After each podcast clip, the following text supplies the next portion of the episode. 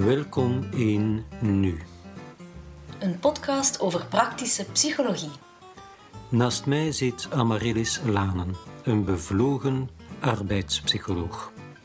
En dit is Wilfried van Kraan, een gerijpte psychotherapeut en seksuoloog. Bij AMA is nu de motor, de aanzet, het moment waarin het mag gebeuren. Bij Wilfried is nu de plek waarin wordt geland en waar het goed is te vertoeven.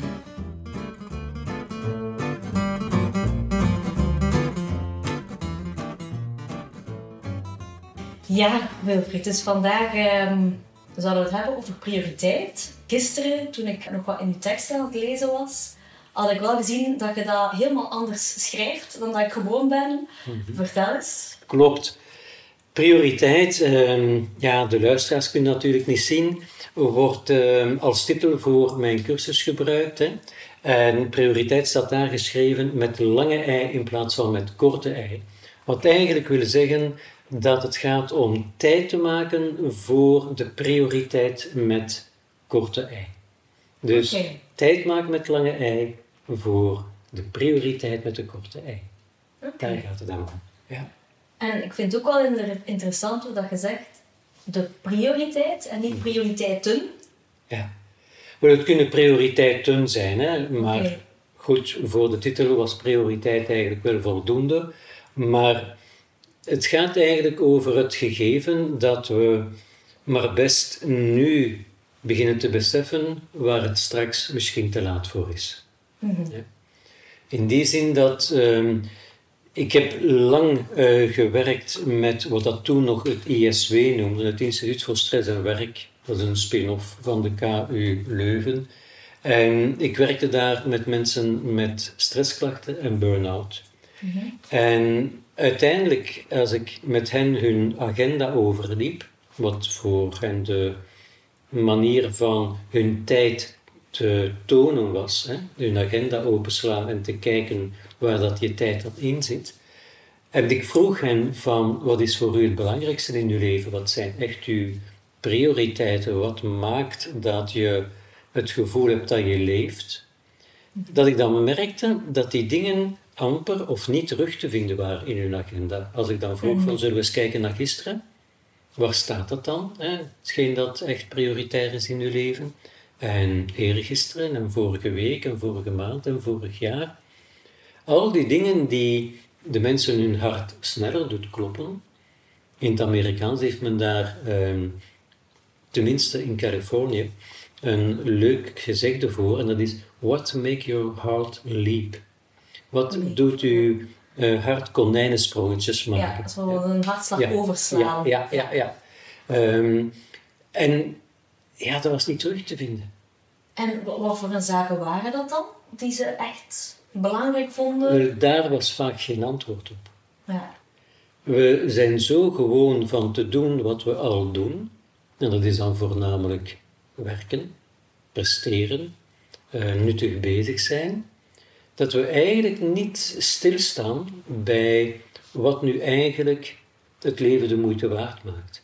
Omdat de dag van vandaag, als ik een persoon ben die uit werken gaat, lijkt op de dag van gisteren en morgen lijkt op vandaag. Dus we herhalen onszelf zo voortdurend zijn daar ook zo uitgeput van op het einde van de dag dat we ons niet meer gaan afvragen van was dit nu eigenlijk het leven zoals ik het zou willen hebben? Nee, we doen voort om te overleven en in de hoop van op een bepaald moment ergens in die toekomst, dat kan het weekend zijn, dat kan de verlofperiode zijn, dat kan het pensioen zijn, dan ertoe te komen van datgene te doen what makes your heart leap, hè, dat het hart de- die bokkensprongetjes doet maken. ja. En Dan gaan Ja. we op reis. Dan gaan ja, we ja, de wereld dan gaan we die leuke dingen doen. Ja. Ja. Ja, ja, ja, Maar als ik aan de mensen vroeg van wat is wat dat voor u uw leven echt de moeite waard maakt, dan waren er twee mogelijkheden. Ofwel kreeg ik een ongemakkelijke stilte, ofwel eh, wisten de mensen het wel, maar viel het niet terug te vinden in die agenda. En dan weer een ongemakkelijke stilte. En dan weer een ongemakkelijke stilte, inderdaad. Ehm, dus dat is eigenlijk de aanzet geweest ehm, om iets te doen rond de tijd nemen voor de prioriteit. En ik denk dat dit moment, nu, zo rond nieuwjaar, Mhm. Eigenlijk een goed moment is voor elk van ons, ook voor mezelf, om eens stil te staan bij die altijd maar doorgaande lijn die de tijd is. De tijd is een continuum, dat gaat altijd maar door. Mhm. En nieuwjaar is een soort van streep in de tijd. We kunnen zeggen, 2019 eindigt hier, hè, 31 december, 24 uur.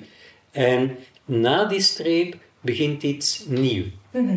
En zo'n streep trekken, wat je een ritueel zou kunnen noemen, een ritueel is vaak een manier om zo'n streep te trekken in de tijd, zegt eigenlijk tot hier en vanaf nu. Het is een gelegenheid om eens uit de maalstroom en de mallenmolen te stappen, om wat bij te sturen. Om eens in de achteruitkijkspiegel te kijken en te zeggen van, tja, het afgelopen jaar, hoe was dat nu eigenlijk? Ben ik nu content daarvan? Eh, was dit het leven dat ik wil leiden en dat ik wil blijven leiden? Of moet ik wat gaan bijsturen Ja. in functie van die prioriteiten? Ja. Ja.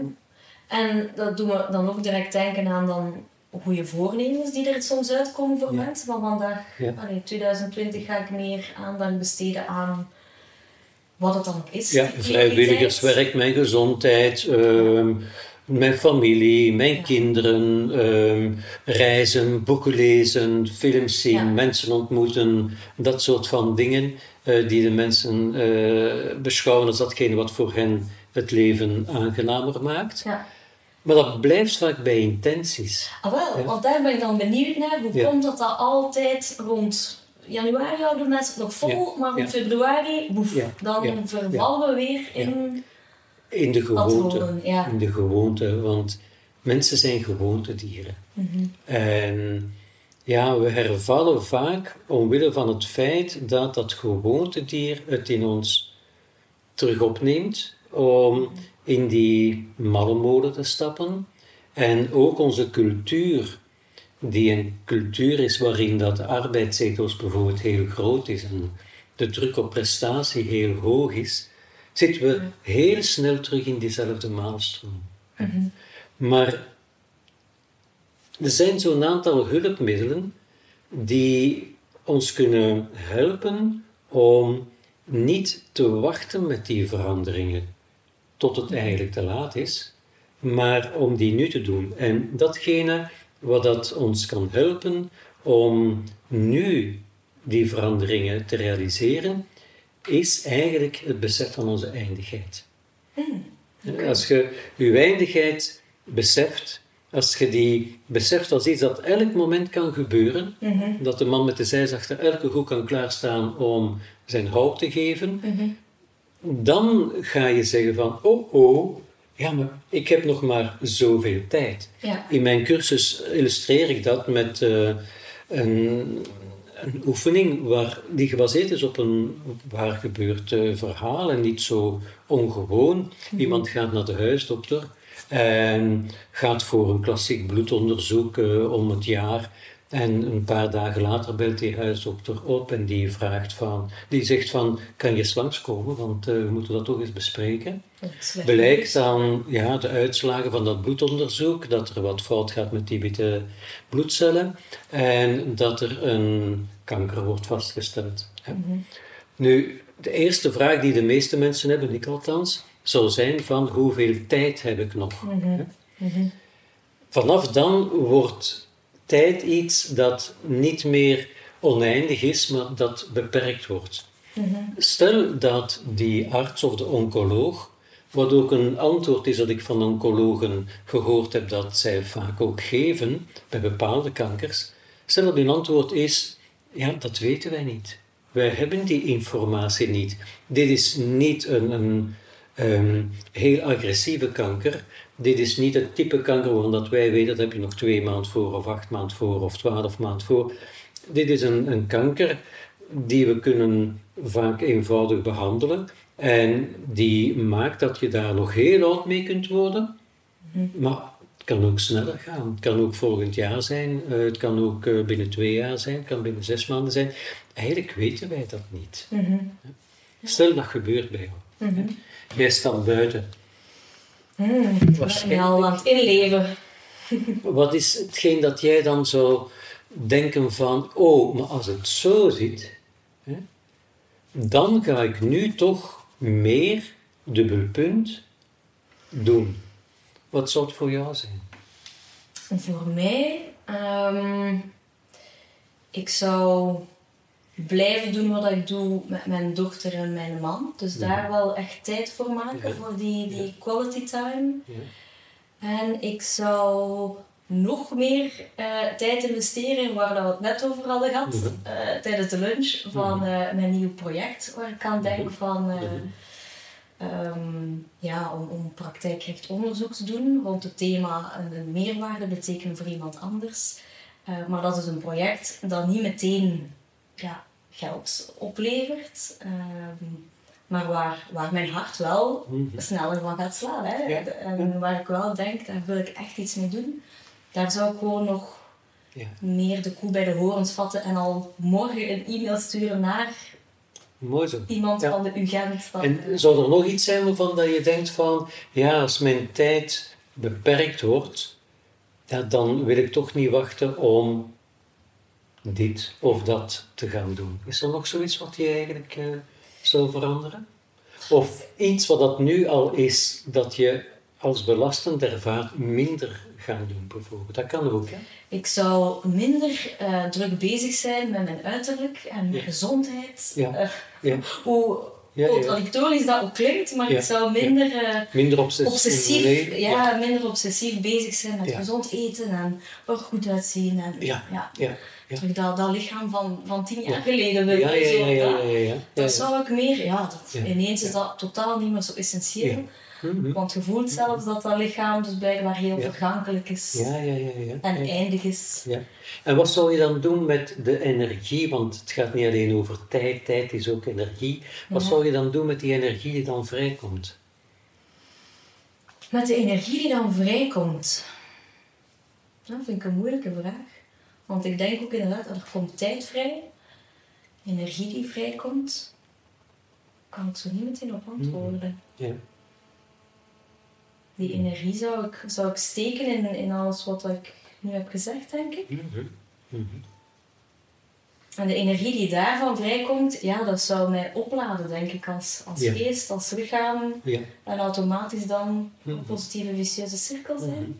Oké. Of bedoel je misschien iets anders met die... Nee, eh, ik denk ook dat de dingen die je hebt genoemd, dat dingen zijn waar dat je meer gaat van genieten. Hè? Ja, Dus ja, dat genieten veel meer op de voorgrond gaat komen. ja. Ja. Ja, dat denk ik wel. Ja. En genieten zo niet in de hedonistische... Stereotypen, Ja, niet ja. in de, het zo genieten, Ja, ja. genieten, want dat Ja, vind ik soms ook eh, Mhm. een beetje overrated. Of dat, dat is zo snel weer voorbij en zo vluchtig. Mhm. Maar het, het, eh, het duurzaam genieten, zo die zeldzame kleine momenten dat je helemaal ehm, dat geluk kunt ervaren.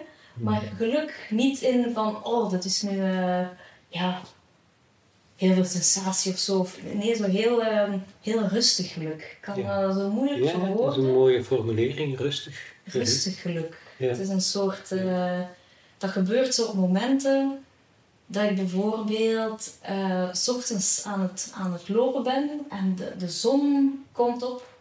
En ik ben dan net naar een inspirerende podcast aan het luisteren en er komt een idee naar boven. Ja. Dat, zo dat Momenten moment van echt flow eigenlijk. Ja, dat is eigenlijk een flow moment. Ja. Ja. Dat helemaal ervaren. ehm, Ja. Of ook ja, de, de slappe lach met mijn dochter of met mijn man. Zo, zo die momenten Ja. eh, helemaal grijpen. Dat, dat zou er meer zijn, denk ik. Als ik daar meer prioriteit van zou maken. Ja. En dus minder Facebook scrollen, minder eh, naar tv kijken, minder... ehm, ja, zo minder mijn huis ordelijk houden. Ja.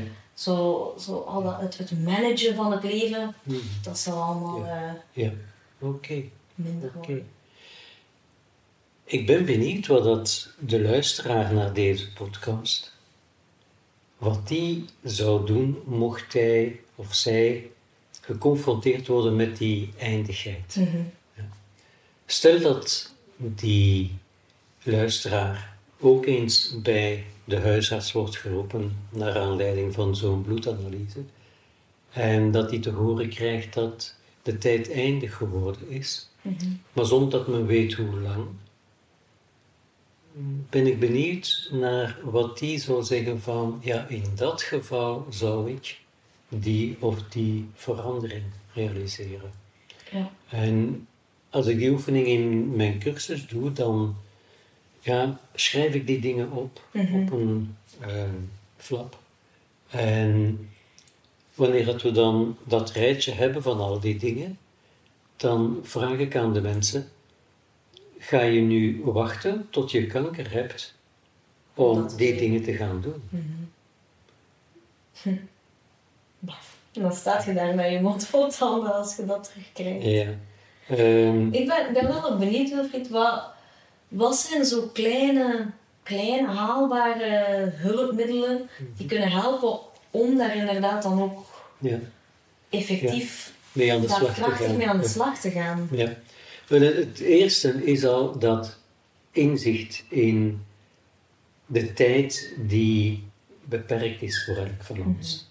Die eindig is en niet oneindig is. We zijn geen jonge goden. Eh, Je bent een jonge god als je 16, 17 bent, dan bestaat de dood niet en dan ja, leef je er maar op los vanuit het idee, later kan ik nog alles doen eh, wat ik nog verder wil doen. Maar als je wat volwassen wordt, dan begin je te beseffen dat die tijd eindig is. En wij, West-Europeanen, zijn daar niet zo goed in om dat besef een plaats te geven als richtlijn voor het kiezen wat de prioriteiten zijn. Je hoeft uiteraard geen kanker te krijgen om eh, die eindigheid te beseffen. Je kan die op andere manieren beseffen. Je kan die beseffen door rondom jou te kijken en te zien hoe dat alles eindig is. Ehm, maar er zijn ook bepaalde filosofen die daar ehm, mooie stellingen rond gebouwd hebben. Een, een soort van praktische levensinstelling als tool, bij wijze van spreken, om mee om te gaan. En een van de meest boeiende vind ik Nietzsche, die eigenlijk zei van, leef je leven zo dat je het zou herbeginnen. Dus leef je dag ook zo dat je hem zou herbeginnen. Dus als wij kijken naar onze dag van vandaag, hè, we zijn nu namiddag, en we kijken naar hoe dat we hem geleefd hebben in de voormiddag, zou jij hem willen herbeginnen? Eigenlijk wel. Ja. Ja. Ik denk dat ik alles zou willen herbeginnen. Buiten ons technisch gepruts.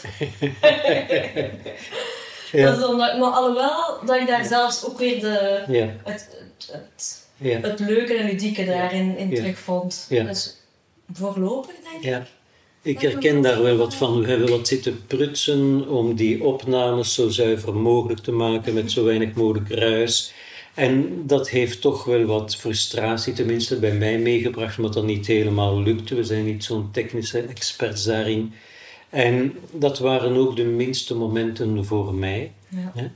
Ehm, dus als ik zou willen die vraag beantwoorden van zou je dag willen herbeginnen, dan zou ik ook die neiging om, om te zeggen van ja, de gesprekken die we tot nu toe gehad hebben vanochtend, die waren fijn, die waren boeiend, ehm, maar dat gepruts met die technologische aspecten, ehm, laat er dat maar af. Mensen hebben dikwijls de neiging om het leven ehm, dualistisch op te delen. Van prettig versus onprettig. Dat is een onderscheid dat men in het boeddhisme bijvoorbeeld niet kent. Daar eh, gaat men non-dualistisch denken. Ja. Wij Westerlingen, wij denken in termen van dit was oké en dit is niet oké. Als Nietzsche zegt van leef zo dat je je leven zou herbeginnen, dan bedoelt hij de package deal. Ja. Ehm, ik herinner mij een cursiste die een heel leuk idee had. Die kwam naar de cursus met een, ehm, een bol ehm, en daar zaten allemaal post-its in. Mhm. En zij zei van, kijk, dit is mijn systeem. Op het einde van elke week schrijf ik op een post, op een post-it iets waar dat ik heel veel deugd of plezier aan heb gehad. Mhm. En dan stop ik dat in die bol. Het was like een doos, je kunt daar ook een koffertje of een doosje voor nemen. Zij had zo'n bol met twee helften die in elkaar schro- schroefden. En die bol van haar, die doorschijnend was, die zat vol met post-itjes. Ik vermoed dan een vijftigtal ongeveer. Hè? Ja. En ik vroeg dan van, ja, wat zit er zo in van soort ervaringen? En dan somde zij allemaal prettige ervaringen op. Ja. En ineens dacht ik van, goh, wat een leuk idee, maar dat betekent dat we het leven heel selectief maar willen herbeleven. Dat we alleen maar de leuke momenten willen overhouden en wat we als onaangenaam, frustrerend, of zelfs soms eh, heel akelig hebben ervaren, dat moet eruit. Mhm. Nu, dat is een heel voorwaardelijke houding naar het leven. Boeddhisten die kijken daar anders naar. Die zullen zeggen, het ene kan niet zonder het andere. Als wij nu plezier hebben aan deze podcast maken, dan kan dat er ook niet zijn zonder dat technisch gepruts dat we achter Ja. de rug hebben en we- dat we beide wat gefrustreerd eh, hebben bijgelopen. Ja. Het een kan niet zonder het ander. En als je dat nadelige of dat vervelende kost wat kost wilt vermijden, als wij zouden willen vermijden van technisch te moeten prutsen, ja, dan kunnen we geen podcast maken. Mhm. Ja. En als je in het leven al hetgeen dat negatief is wil vermijden, dan hou je ook niks positief over, omdat die twee altijd onlosmakelijk met elkaar verbonden zijn. Ja, en het is zelfs zo als ehm, toen we ook denken aan, aan eh, waar ik uit een opleiding rond ACT-therapie had geleerd, hè, zo acceptance en eh, commitment therapie, dat dat zoals een medaille is. Hè. Je hebt altijd aan een medaille, als je Ja. die omdraait, ja, er is gewoon een keerzijde Ja. dat er aan eh, vasthangt. En ehm, ja, toen we, wat, wat ik ook altijd vind, want ik ben grote eh, fan van positieve psychologie en aandacht geven aan wat er goed loopt. Mhm. Ehm, maar ik denk ook dat het heel belangrijk is om met een soort eh, waarderende vriendelijkheid de keerzijde ook toe te laten. Absoluut. Eh, zonder daarop te focussen en dan Nee. veel te groot te maken. Ja, ja. Ehm, want omdat dan het, het plezier in het algemeen dat je met, het, met de package deal ervaart Mhm. op een hoger of Ja. beter, ik wil misschien niet hoger of beter Ja. zeggen, maar een, een soort weer dat rustiger geluk is. Ja. Dat is weer zo'n soort vreedzamer Mhm. geluk dan het instant geluk bij alleen maar de, de, leuke dingen willen. Als je hebt afgezien eh, om bijvoorbeeld bij mij concreet om, om een gezonde gewoonte te Mhm. ontwikkelen. Ik probeer nu vier, vijf dagen in de week elke ochtend te gaan lopen. Mhm. Ja, in het begin was dat, was dat lastig, Mhm. was dat zwaar. Ehm, maar eigenlijk, en soms is het nog afzien, maar het, het, het, de heerlijkheid die je dan ervaart, komt eigenlijk alleen maar omdat het Omdat dit andere ook toelaat. hè? Ja, ja, ja. Ik herinner mij op een keer, ik heb nogal wat ehm seminaries, of eigenlijk zijn dat geen seminaries, maar retraites gevolgd bij Thich Nhat Hanh. Ehm, dat is een Vietnamese monnik die eigenlijk eh, de bezieler is van wat men mindfulness noemt. En tijdens een van die retraites nam hij een blaadje papier tussen zijn duim en wijsvinger. En hij toonde dat aan de deelnemers en hij vroeg twee vrijwilligers. En die vrijwilligers kwamen naar voren en hij zei tegen die ene vrijwilliger: Wil jij eens de linkerkant van dit papiertje nemen en een beetje verder gaan staan? En hij zei tegen de andere: Wil jij eens de rechterkant van dit papiertje nemen en een beetje verder gaan staan? Ja, dat was natuurlijk een Ja. akelige padstelling voor, eh, voor die twee enthousiaste vrijwilligers, want begin maar. Hè. Ja. En dan zei van, ja, maar dit is het leven gewoon. Hmm. Dat zijn die twee kanten die onlosmakelijk met elkaar verbonden zijn. En rechts en links zijn maar dualistische opdelingen in onze perceptie. ja. Maar eigenlijk zijn die onlosmakelijk met elkaar verbonden. Mhm.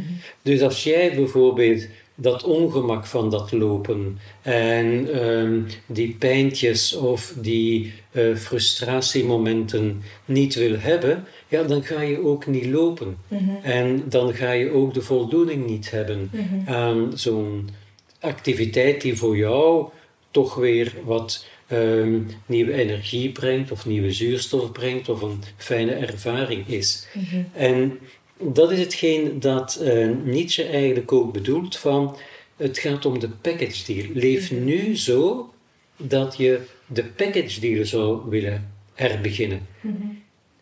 Altijd opnieuw. Dat is de wiederholing. Ja. Ehm, altijd opnieuw ehm, datzelfde willen beleven. Leef zo dat je dat zou willen. Dus dat betekent dat je, stel dat je in die stelling wilt meegaan, dat je zegt van, oh, kun je er wel op letten dat ik van vandaag mijn dag zo leef dat die altijd mag terugkomen. Mhm. Wat dan niet wil zeggen dat dat alleen maar positieve momenten moeten zijn, Mhm. hè? maar dat ik bereid ben ook om hetgeen dat wij vanuit onze westerse perceptie als last of onaangenaam of negatief beschouwen, dat je weet van, ja, maar dat is de onlosmakelijke voorwaarde voor het positieve, het aangename, het prettige enzovoort. En dat je bereid bent om die package deal Ja. te herbeginnen. Altijd opnieuw. En ik vind die uitdaging een, een mooie uitdaging, omdat die het idee van die onvoorwaardelijke instelling ten opzichte van het leven en niet de voorwaardelijke instelling van ik wil het herbeginnen, maar dan moet dat technisch geprutst eruit en dan moet dit eruit en dan moet dat eruit. Nee, dat je zegt van het geheel. Mhm. Laat me maar het geheel herbeginnen. Ehm, En wat, zijn daar nog, wat zijn daar nog zaken buiten dat inzicht eh, hebben van die dualiteit? Ehm, wat zijn nog zaken die u al bijvoorbeeld hebben geholpen om minder prettige zaken erbij te nemen? Want ja, dat is allemaal gemakkelijk gezegd. ja, En oké, stel je, je weet dat al, je bent daarmee bezig, maar wat zijn nog dan ja. dingen die u al hebben geholpen om bepaalde zaken toe te laten, erbij te nemen? Er zijn inzichten en er zijn ervaringen geweest. Eén inzicht dat trouwens mooi aansluit op hetgeen dat ik eh, daarnet vertelde over die voorwaardelijke versus onvoorwaardelijke houding. Eén inzicht kwam van Patricia de Martelaar. Dat was, een, was want ze is helaas overleden, een hele knappe Vlaamse filosoof. En Patricia de Martelaar die vergeleek dat met een liefdeshistorie. Mhm. Zij zei van, kijk, als je verliefd bent, dan ga je helemaal op in de ander. Hè? Dan is er niks fout aan die ander, eh, die is een en al positiviteit, die eh, is precies degene die samenvalt met jouw plaatje, met jouw romantisch plaatje. En dan ga je er helemaal voor. Mhm. Geleidelijk aan, met de tijd, begin je dingen te ontdekken die afbreuk doen aan dat plaatje. Je begint te merken van, oh, die snurkt. En oh, die eh, maakt akelige geluiden als die eet. En eh, het is toch niet altijd zo leuk om eh, met hem of met haar op reis te gaan. Soms wel, maar soms ook niet. En eh, ja, hij eh, doet dit of hij doet dat. Dat had ik toch echt niet verwacht van hem of van haar. Heel geleidelijk aan brokkelt het ideale plaatje af. Mhm. En begin je te merken dat die persoon niet het beeld is dat jij had geprojecteerd op hem of op haar. En echte liefde, zegt zij, ware liefde, is geen voorwaardelijke liefde. Als je alleen maar van iemand houdt omdat hij of zij overeenstemt met jouw plaatje van de juiste of de ware, dan hou je op een voorwaardelijke manier van iemand. Dan zeg je van, ja, jij bent mijn grote liefde, zolang dat je bent zoals ik zou willen dat jij zou zijn. Mhm. Ja. Ja, dat ik zou willen dat jij zou zijn. Ja, ja, ja. Daar tegenover, zegt ze, is er de onvoorwaardelijke liefde. En de onvoorwaardelijke liefde is dat je zegt van, kijk, ik begin te merken dat jij niet bent zoals ik zou willen dat jij zou zijn. Of toch altijd zal zijn. Ja. En dat er geleidelijk aan inderdaad een kloof is tussen het plaatje dat ik had van jou, dat eigenlijk mijn projecties waren, en jij als reële persoon. Maar dat geeft niet. Ehm, mijn liefde voor jou is niet voorwaardelijk. Van je krijgt mijn liefde als je dit en dat en zus en zo bent. Mijn liefde voor jou is onvoorwaardelijk. Dus ik kies voor jou als persoon zodat hij is en niet zodat hij voor mij zou moeten zijn. Dat is onvoorwaardelijke liefde. En zij zegt, onze liefde voor het leven is dikwijls een voorwaardelijke liefde. Van leven, ik wil jou er beginnen hoor, en ehm, je mag er zijn op die en die en die momenten met dat en dat en dat soort van belevingen of ervaringen, maar niet eh, wanneer het regent, terwijl ik een wandeling wou maken, en niet wanneer dat mijn knieën pijn doen omwille van artritis, en niet wanneer dat er conflicten zijn met mijn collega, en ook niet wanneer dat er problemen zijn met eh, de kinderen. Ja. Of wanneer ik ziek ben, Of of, wanneer mijn kinderen ziek ben, zouden ziek zijn. of mijn kinderen ziek zijn, Ja. of een, een, een lek in het dak waardoor dat eh, een probleem is met waterincijpeling in de muur. Daar krijg je het van. Hè? Ja. Dat mag absoluut niet gebeuren. Dat is een voorwaardelijke houding. Dat is de voorwaardelijke liefde in het leven. En. Patricia de Martelaar waarschijnlijk wat geïnspireerd ook door Oosterse filosofieën. Mhm. Ehm, en dan denk ik eh, aan het boeddhisme, maar ook nog aan andere. Zij zegt veel meer van leer van het leven te houden in zijn totaliteit. En zorg dat je een onvoorwaardelijke liefde heeft. Maar zij stelt tegelijkertijd ook die vraag van hoe sterk moet je al in je schoenen staan om het leven zo onvoorwaardelijk Ja. te kunnen liefhebben. Hè? En dat is de uitdaging. Ja. En dat is de reis. Ja. En wat helpt jou daarbij om die uitdaging aan te gaan? Eén, het besef van mijn eindigheid toch. Ja. Ik kom er weer op terug. Een van mijn grote inspirators, een van mijn grote modellen, eigenlijk de grootste, is Michel de Montaigne. En Michel de Montaigne, als er nu één gedachte centraal staat in gans zijn filosofie, het is een 16e eeuwse filosoof, was wees je bewust van je eindigheid. Denk elke dag aan de dood. Hij stelde voor van elke dag een kwartier aan de dood te denken. Bij mij ging dat het ene oor in en het andere oor uit toen dat ik het de eerste keer las, want toen was ik nog erg jong. En toen had ik meer een levenshouding van.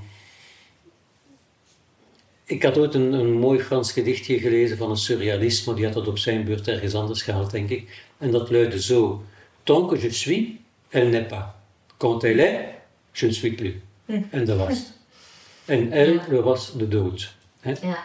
Dus zolang dat ik er ben, is die dood er niet. Wat zou ik er me dan mee bezighouden? Ja. En als ze er is, dan ben ik er ook niet meer en dan ben ik Dus- er ook niet mee bezig. Dus ik houd er me niet mee bezig. Ja. En de eerste helft van mijn leven heb ik volgens die filosofie kunnen leven. Ik hoefde niet te denken aan de dood. Ja. Maar vanaf een bepaalde leeftijd begin je bewust te worden dat de tijd die je rest eindiger wordt. En dat die dood ook op elk moment kan toeslaan.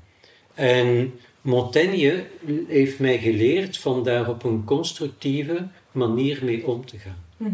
En van daar ook niet bang voor te zijn. Oké, en, en wat helpt je daarbij om daar niet bang voor te zijn? Want ik ben daar bijvoorbeeld wel bang voor. Ah ja. Wel, ten eerste de uitdaging aan te gaan om het volle leven niet uit te stellen tot later.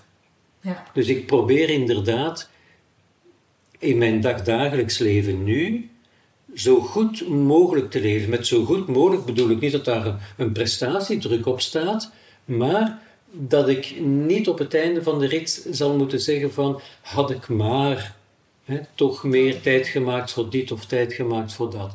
Dus dat probeer ik nu toch wel altijd eh, in mijn achterhoofd te houden, zonder dat dat een tirannie is. Hè, maar dat ik mij afvraag van, tja, wat zou ik nu vandaag kunnen doen om het gevoel te hebben van, dit was toch een fijne dag. Ja. Niet in zijn totaliteit, maar dat fijne moment was er. Ja. En dat is voldoende. En, en wat als je nu zo met verkeerde benen uit bed stapt? Ik denk dat iedereen dat wel eens voor heeft. Ja. Ik heb dat ook voor. Ja, ik had het gisteren. En dat je zo Ja. voelt van... Ja. Het is zo een dag dat je eerder le- heel lekker in dat gemakzuchtig patroon wilt gaan zitten van oh, vandaag niet te veel Dat zinvols. Dat is dan ook oké. Dat is ook oké, hè. Ehm, dat is wat dat die mindfulness toch eigenlijk een rijke benadering maakt. Dat is dat ze niet denkt in termen van dit is niet oké en dit moet per se veranderd worden. Ja. In mindfulness zal je eerder uitgenodigd worden om dat gevoel van met dat verkeerde been uit bed te stappen te zien als de realiteit van het moment. Dat is Mhm. nu zo. Oké. Ja. En daar niet in het verzet tegen te gaan. Mhm. Van het moment dat je gaat verzetten ertegen, ten eerste, het gevoel gaat niet zomaar weggaan, Ja. omdat je je daartegen verzet. Integendeel, je begint je druk te maken dat het nog niet weg is, Ja. want dat gevoel luistert niet naar je ratio van ga eens weg. En je komt in een vicieuze cirkel terecht. Ja. Hoe meer dat je je verzet, hoe ambetanter dat je wordt, niet alleen voor jezelf, maar ook nog een keer voor je omgeving. Ja. En wat toch voor mij een verrijkende ervaring was toen dat ik eh, ja, mindfulness onder de knie begon te krijgen, was die acceptatie van het feit dat het op dit moment is zoals het is en dat ik me daar niet hoef tegen te verzetten. Mhm. Dat is iets wat dat echt wel helpt. En dan merk je dat het dikwijls uit zichzelf verdwijnt. Mhm. En van er ook niet te veel op te focussen. En binnen de kortste tijd maak je iets mee dat meevalt. Een goed gesprek met iemand of iemand belt u op en je hebt daar een fijn gesprek mee. Of ehm, je doet iets op je werk en dat geeft voldoening. En oeps, je bent weg. Ja. Dus het was maar voor even, Ja. dat ambetant gevoel. Ja. En dan mag je gerust zijn. Ja. Dus dat, eh, dat is wel iets wat dat mij eh, kan helpen. Ja. Ja, want ik, ik merk ook wa- wat ik zelf probeer toe te passen en wat ik ook bij cliënten zie dat wel werkt, is zo'n beetje het mentale beeld creëren. Ik zie mezelf dan altijd aan tafel met meerdere Amaryllissen.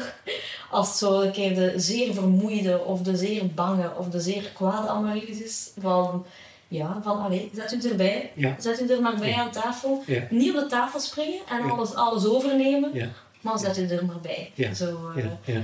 zo die mentale... Dat is mooi weergegeven door een gedicht van Rumi. Ehm, dat was een dichter uit de 11e of 10e eeuw, denk ik, een Soefi-dichter. En dat gedicht noemt de herberg. Ik ken het niet juist van buiten, maar hij zegt: Op een bepaald moment wordt er geklopt op de deur van de herberg. En je doet open en het is bijvoorbeeld boosheid die daar staat, een verdriet, een irritatie. En je zegt van, kom mannen, kom maar binnen. Zet u, ehm, neemt iets.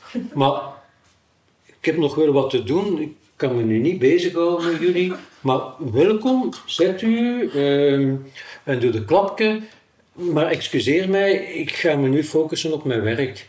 Of op mijn koken, of op eh, de autorit, of op deze podcast op dit moment. En eigenlijk ga je niet in het verzet tegen diegenen die op jouw deur kloppen, die gaat er niet mee in het gevecht.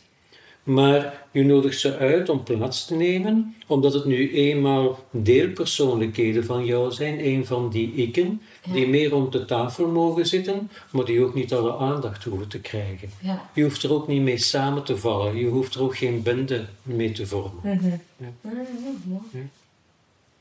Ja. En, maar ik, ik vond het wel nog interessant wat ik straks zei. Ik had hier nog iets opgeschreven. Zo dat onvoorwaardelijke, Ja, die onvoorwaardelijke houding tegenover een geliefde, tegenover het leven. Mhm. Ja, ik vind dat best wel inderdaad een van de grootste uitdagingen. Zelfs eh, bij relaties of in het leven. Van, eh, je bent ergens, denk je ook van, ja, maar eh, dat was in een lezing daarom, want ik had hier Alain de Botto opgeschreven. Mhm. In een lezing die hij gaf over de liefde, vroeg hij in de zaal, en wie vindt in een relatie dat je onvoorwaardelijk elkaar eh, moet aanvaarden? En bijna iedereen zo deed zijn hand wel voorzichtig in de lucht. En hij zei, ja, eigenlijk, dat is, dat, is toch, dat is toch niet helemaal correct, dat is toch niet helemaal juist. Het is toch eigenlijk mooi dat je in een relatie een beetje wat voorwaarden stelt aan elkaar. Van zeg, eh, hoe dat je toen in groep deed, dat was echt niet aangenaam. Je werd veel te dominant en je onderbrak iedereen. Dat je eigenlijk elkaar kunt helpen om een betere versie van jezelf te worden. Ehm, en dus dat dat toch voorwaardelijker is. eh, Nee, dat vind ik niet. Ja? Eh, hier zitten we met verwarring. De liefde blijft onvoorwaardelijk, maar het gedrag hoeft niet onvoorwaardelijk geaccepteerd te worden. Ah, ja. ja, dat vind ik wel Dus als jouw partner een gedrag stelt dat jij als belastend ervaart, of als irriterend of als lastig, dan kan je daar natuurlijk wel feedback over geven, want die persoon weet misschien niet eens dat zijn of haar gedrag het effect op jou heeft. Ja. Dus het gaat om gedrag daar. Maar jij zegt niet van, ja, maar als je zo doet, dan hou ik niet meer van je. Ja. Ja, ja, ja, ja. Dus dat is het verschil. ja. En dat associëren mensen vaak Ja. met Ja, dat terugkomt wel als feedback van oei, Ja. gaat hij niet meer van mij houden? Ja. Of, eh, Ja. Terwijl dat eigenlijk helemaal niet nee, absoluut niet. Het gaat om gedrag, het gaat niet om de persoon. Ja. Ja, ja. En als we dan nu doortrekken naar, naar het leven, onvoorwaardelijke liefde tegenover het leven, ja. zou dat dus wel kunnen betekenen dat je in het leven wel bepaalde dingen moogt verwachten? Tuurlijk.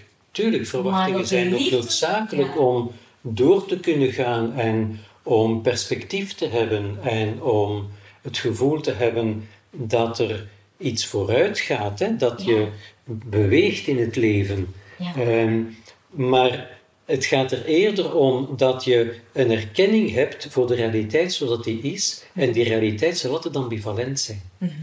Ja. Er zullen altijd prettige en onprettige dingen tegelijk aanwezig zijn. Ja. Of is afwisselend. Maar het is eigenlijk de kunst om te kunnen erkennen dat dat onprettige er nu eenmaal is, maar dat dat niet moet betekenen dat je daarom in de wachtkamer moet gaan zitten, wachten tot het onprettige voorbij is. Ja. Maar over die wachtkamer moeten we het misschien ook een andere keer hebben. Ja. Ja. Ja, vind ik wel een mooie om mee af te sluiten. Dat, ehm, ja, het zit niet in, in de wachtkamer blijven zitten. Heel veel mensen doen dat, hè. Ja, Eh, ja. Heel veel mensen dus- wachten tot het beter wordt. Ja. Hè? Tot het zogezegde onprettige, wat dat ook mogen zijn, het lichaam dat het niet doet eh, zoals dat je zou willen, of de relatie die niet loopt zoals dat je zou willen, of een stressperiode met deadlines op het werk, of eh, lastige perioden in een verbouwing. En dan wachten we met het volle leven totdat die dingen voorbij zijn. En dat noem ik een leven leiden in de wachtkamer. Maar helaas, op een blauwe maandag, als je uit de wachtkamer komt, dan gebeurt er weer iets nieuws. Ja, En ja, als je die instelling hebt, dan blijf je in de wachtkamer jouw leven leiden. En dat is eerlijk gezegd niet zo boeiend, denk ik. ja. En dan gaat je eigenlijk niet naar de ruimte waar dat het beweegt, vooruit gaat, Ja, ja, eh, dynamisch is. ja, eh, ja. Waar het, volle leven ja, zich eigenlijk afspeelt. Hè? Ja. Ja. Ja, ja. Oké, Goed, voilà. interessant. Ja, hoop ik.